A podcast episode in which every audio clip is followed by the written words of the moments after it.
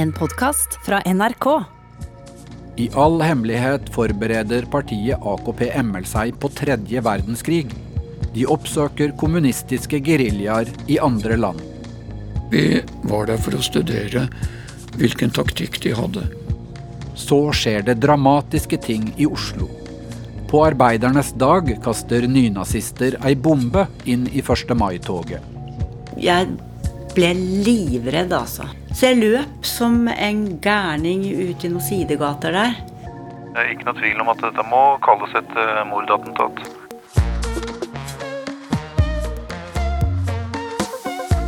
Du hører på Væpna revolusjon av Kirsti Kraft. Den siste av tre deler.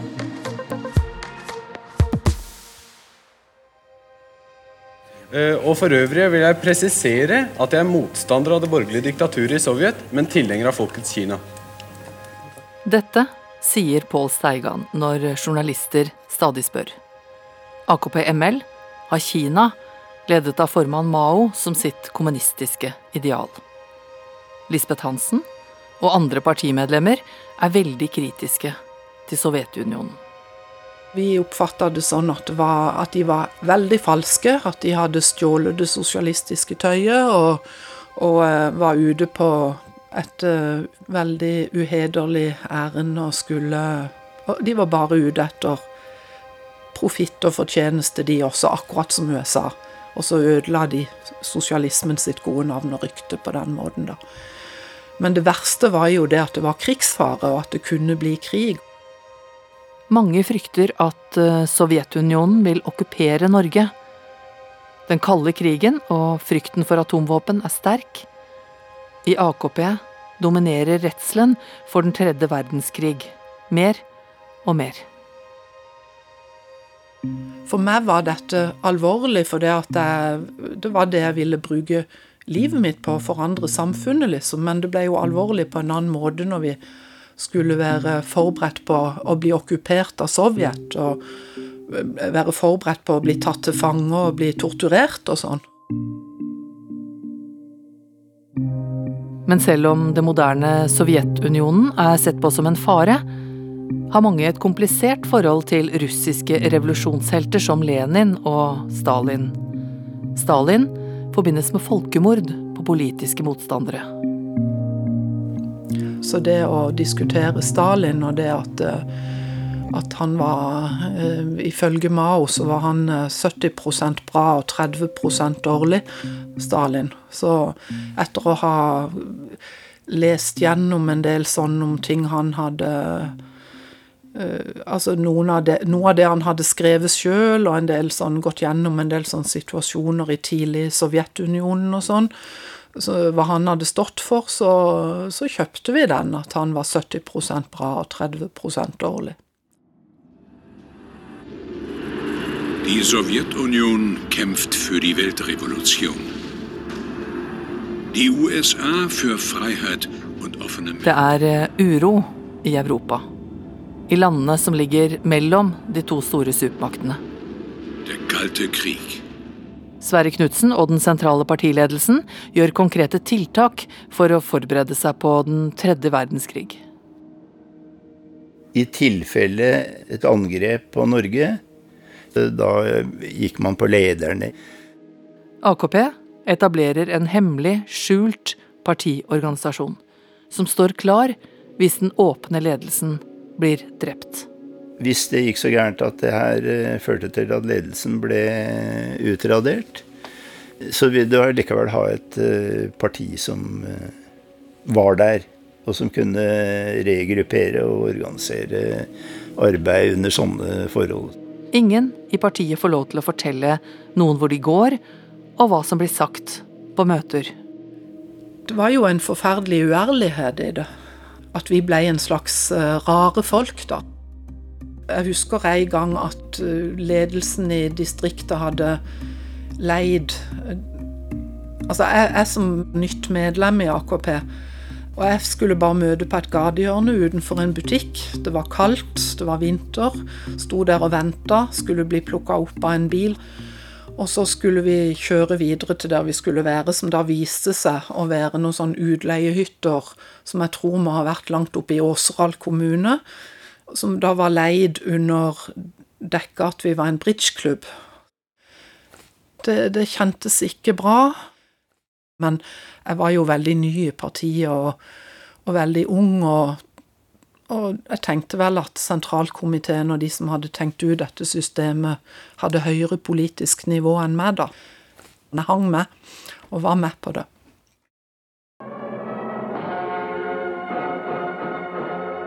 Da den kinesiske kommunistlederen Mao dør høsten 1976, er det et hardt slag for norske AKP-ere som Pål Steigan. Da Mao Zedong døde, så skrev regjeringa Nordli en kondolanse til den kinesiske staten, hvor de utpekte Mao som en stor lærer for menneskeheten. Og den du kan si strålekraften fra Kina den var så stor at den påvirka nesten alle samfunnslag i Vesten. AKP må fortsette kampen for revolusjon i en verden uten formann Mao. Fokus i partiet er å etablere en enda mer hemmelig partiorganisasjon. Og på et tidspunkt så kom det da et sånn direktiv fra Oslo, fra sentralkomiteen, om at vi skulle dele partiet inn i ulike segmenter. Og eh, noen i partiet skulle bli helt hemmelige medlemmer. Og de skulle bli hemmelige i den grad at de til og med til og med ektefeller og sånn, hvis de hadde fått det, skulle ikke vite at de var med i AKP. Medlemmene i AKP blir delt inn i åpne og hemmelige medlemmer. Aller først her så er det en koding av, av arbeidsplasser i, i Oslo. Mannen som snakker, er en av de som gikk helt under jorda som AKP-er. Han vil ikke at vi bruker navnet hans, og han har aldri fortalt om dette før. Han viser oss en oversikt over skjulte AKP-medlemmer på ulike arbeidsplasser i Oslo. Et øyeblikk.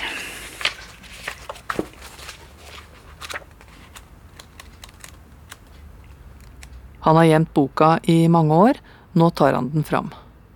Den viser side opp og side ned med oversikter over hvor AKP-medlemmene jobbet på 1970-tallet. På hvilke arbeidsplasser i Oslo, hvor de var representert. Alt er kodet, så det er vanskelig å tyde noe så lenge etterpå.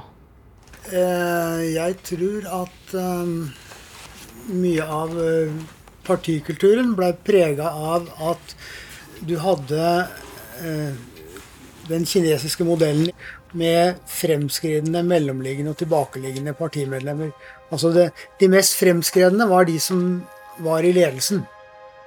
Og Sigurd Allern, Pål Steigan, Sverre Knutsen, Finn Sjue og Trond Øgrim er i ledelsen av partiet gjennom 1970-tallet. Og vår mann her er også sentralt plassert, men helt skjult. Det er ikke lett å samle disse menneskene til hemmelige møter. Noen ganger reiser de langt ut av byen, med en koffert full av parykker og effekter som skal kunne tildekke hvem de egentlig er.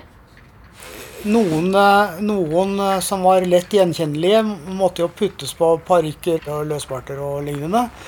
Og det var et møte hvor vi, ingen av oss orka å ha disse greiene på. Sånn at alle hadde tatt av. Og, og dette var langt oppe i Dalom et sted.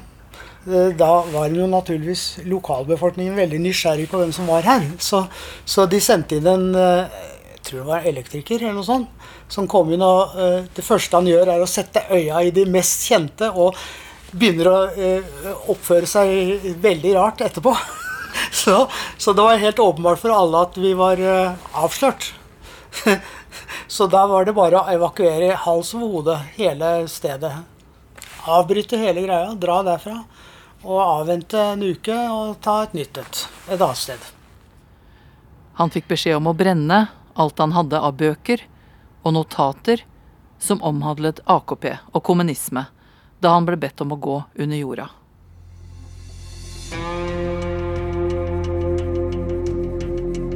Noen i partiet måtte være hemmelige, for at de skulle komme fram etter at krigen hadde tilintetgjort den nåværende ledelsen.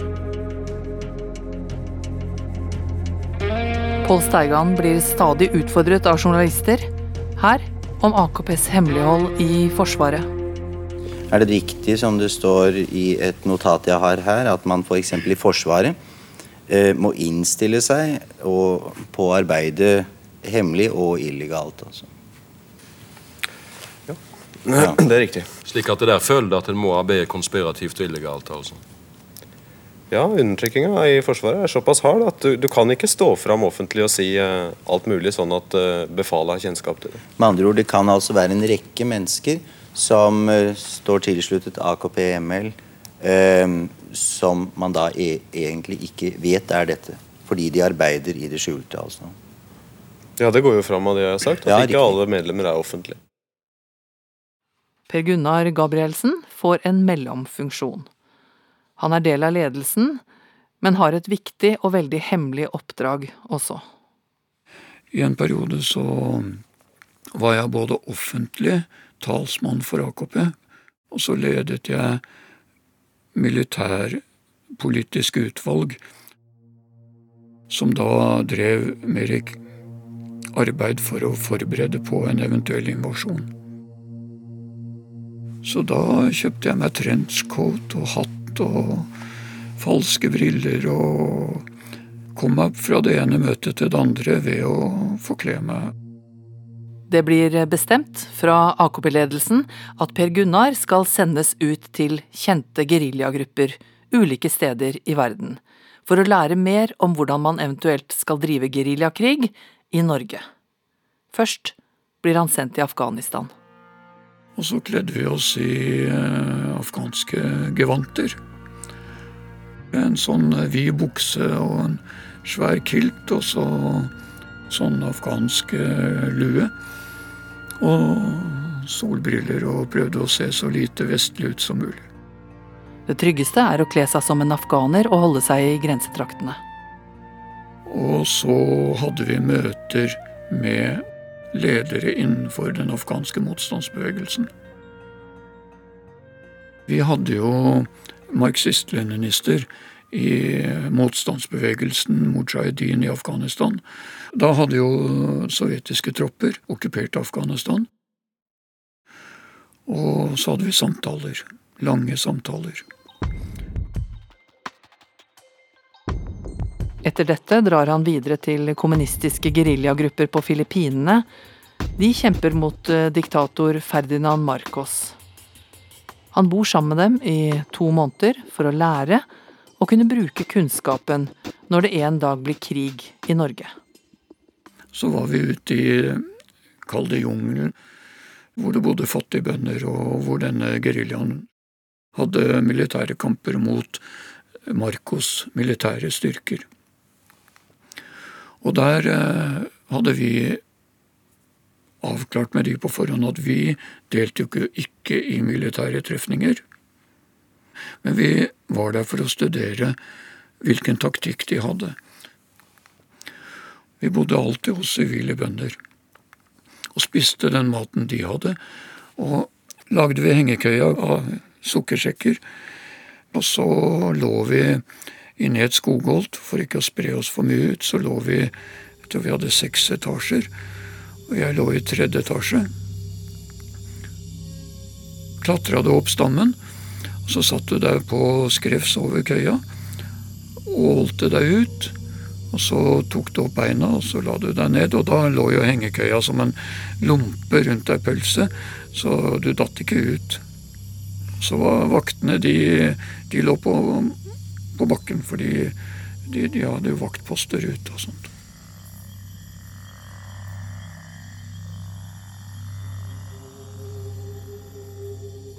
I AKP begynner en intern konflikt å spre seg.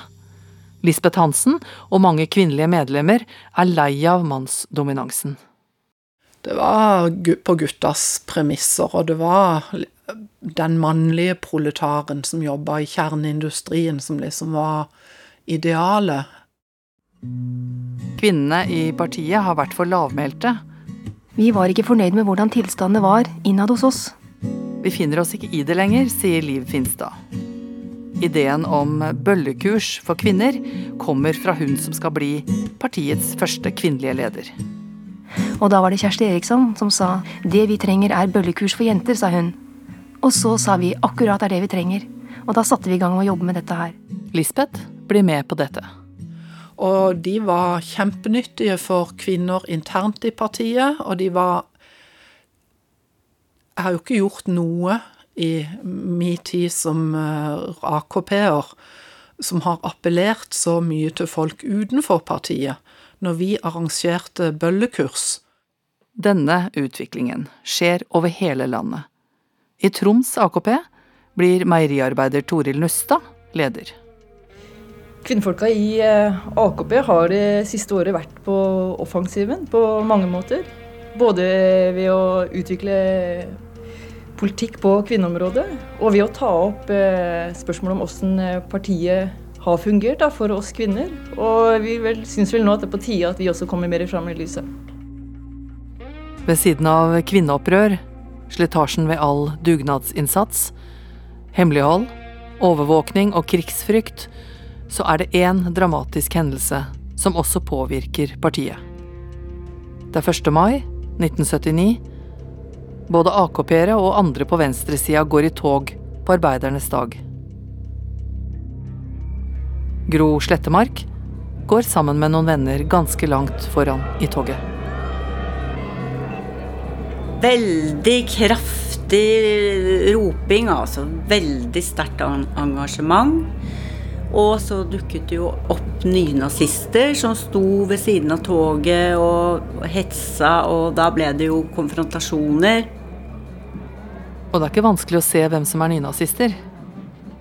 De var jo skalla og med lær og, og brune klær og Og det Det var jo helt jævlig, altså.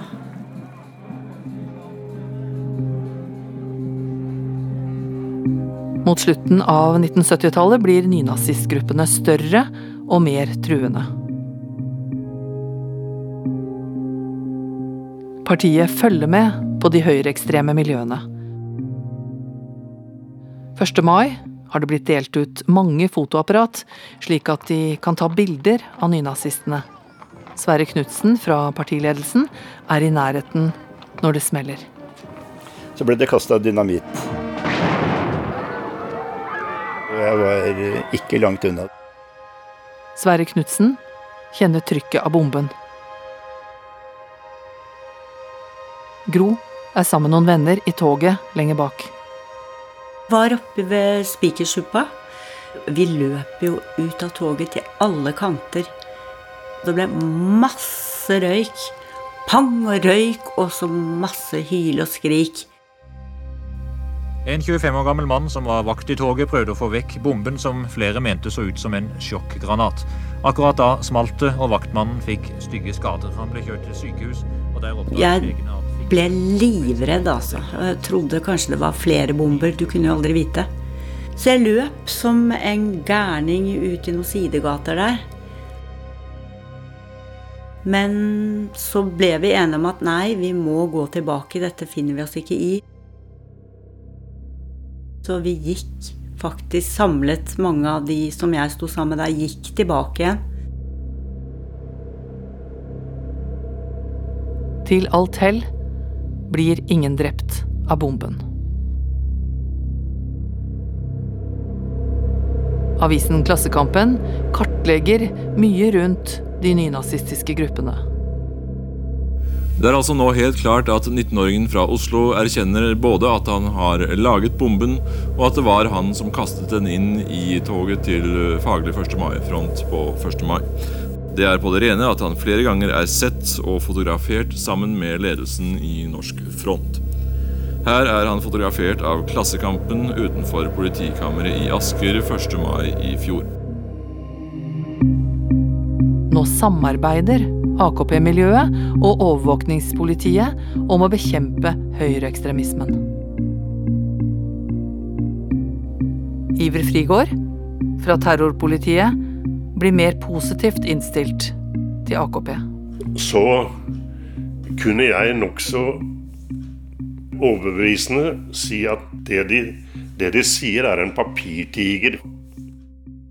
Han tror ikke lenger det er fare for væpna revolusjon eller terrorisme.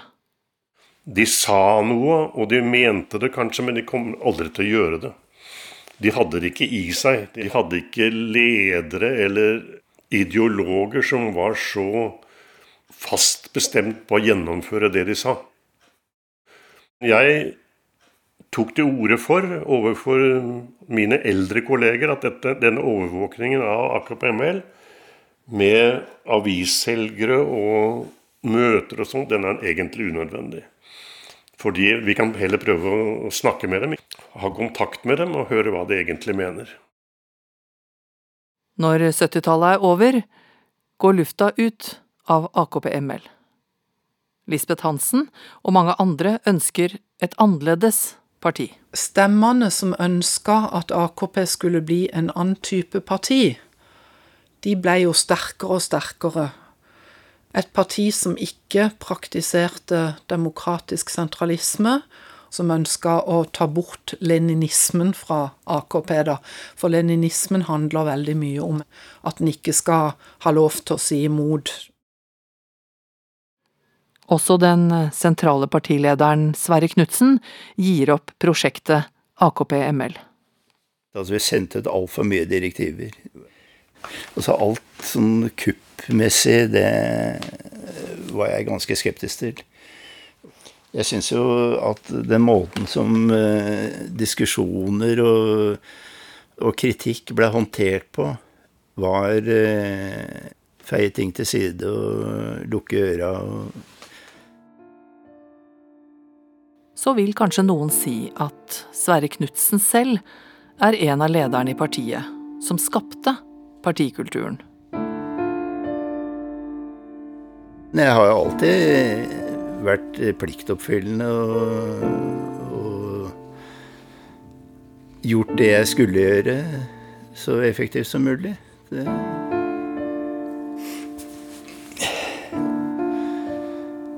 det er klart at uh, de som uh, var uenige med meg i dette her, uh, de syntes jeg var en forferdelig fyr som var streng og og har det i klypa.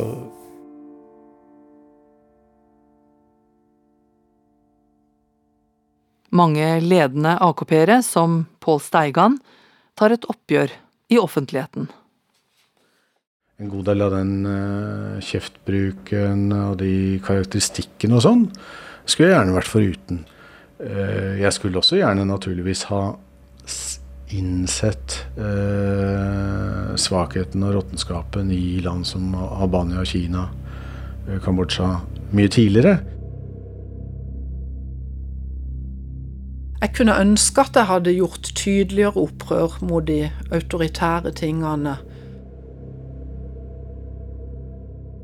Og så angrer jeg jo på at jeg forsvarte Stalin. For Lisbeth Hansen lever det politiske engasjementet videre. Hun har sterke positive følelser for sosialisme og det å være med å skape rettferdighet. Og hun er fortsatt med i det som i dag kalles partiet Rødt. Gi meg de brennende hjerter. Jeg, blir litt rørt, jeg. Fordi at det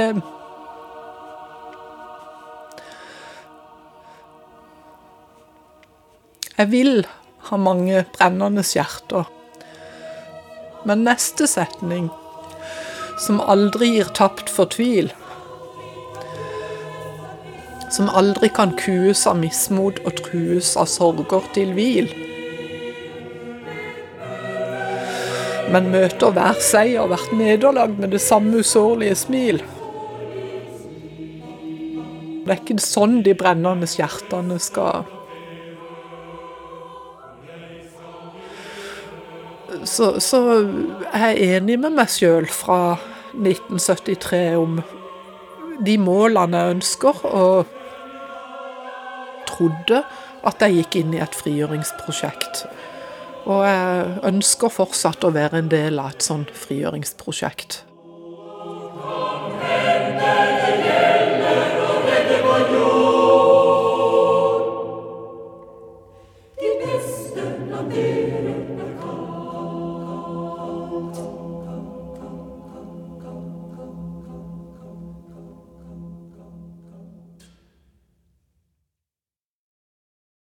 Du har hørt dokumentarserien Væpna revolusjon av Kirsti Kraft. Lyddesigner Lillian Grønning. Researcher Bo Brekke. Produsent Kjetil Saugestad. Vignettmusikken er laga av Nils Jakob Langvik. Redaksjonssjef Siril Heierdal. Hans Petter Sjøli, som har skrevet boka Mao min Mao, har bidratt med faglige innspill og faktasjekk. Alle opptak med Trond Øgrim, Sigurd Allern og Pål Steigan er henta fra NRKs arkiver. Har du synspunkter, så send oss gjerne en e-post på helehistorien krøllalfa nrk.no. En podkast fra NRK. Hei, jeg heter Gry Veiby. Hva med en podkast som plukker ut de viktigste nyhetene for deg, både fra Norge og verden, og snakker om dem på en måte som gjør at du ikke kan la være å høre på? Vi gir deg det du trenger for å holde deg oppdatert. Oppdatert hører du først i appen NRK Radio.